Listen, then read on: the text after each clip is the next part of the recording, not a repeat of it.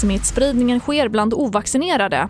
Polisens teori om explosionen i Värnamo sprängde sig själv av misstag och Liseberg sänker taket för antal besökare. Ja, här är TV4-nyheterna som börjar med att smittspridningen av covid-19 ökar i landet och det är framförallt ovaccinerade samt unga som driver smittan. Enligt Folkhälsomyndigheten måste fler vaccinera sig för att restriktionerna ska kunna lättas.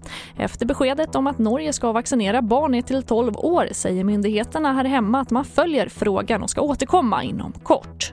Än så länge så har vi inte kommit fram till att vi vill rekommendera den här gruppen vaccination.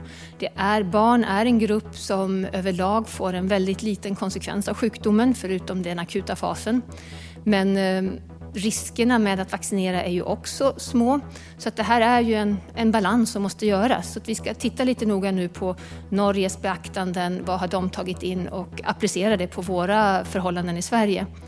Och det sa Karin Tegmark Wisell, avdelningschef på Folkhälsomyndigheten. Och polisen har under dagen fortsatt utredningen efter att en man i 35-årsåldern dog i en kraftig explosion i centrala Värnamo i morse. Mannen kopplas till ett kriminellt nätverk och teorin är att mannen var där för att genomföra ett sprängdåd mot en annan person.